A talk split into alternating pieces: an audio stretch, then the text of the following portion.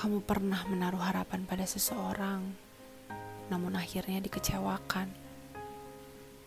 Kamu pernah jatuh cinta sejatuh-jatuhnya, hingga akhirnya disia-siakan.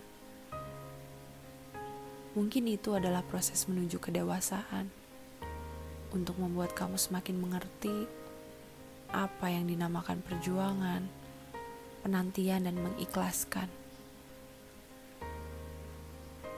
Tuhan ingin melihat seberapa kerasnya kamu berusaha dan berdoa, meminta tanpa lelah pada Sang Pencipta.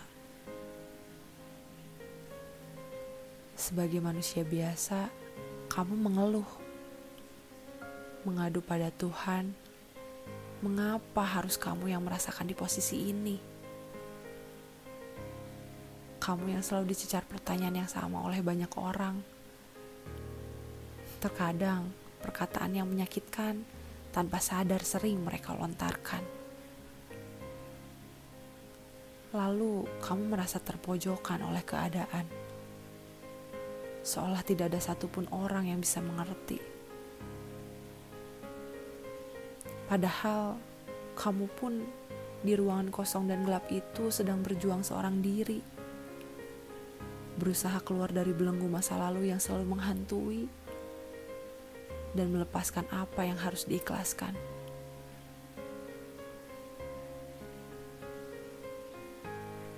Jika memang hatimu sulit untuk diobati, berdoalah meminta hati yang baru. Memintalah ganti hatimu yang sudah keropos dan hancur itu dengan hati yang baru yang lebih utuh agar bisa mengembalikan kebahagiaanmu yang sudah lama hilang entah ke mana. Ke depannya pasti akan lebih banyak rintangan dan cobaan.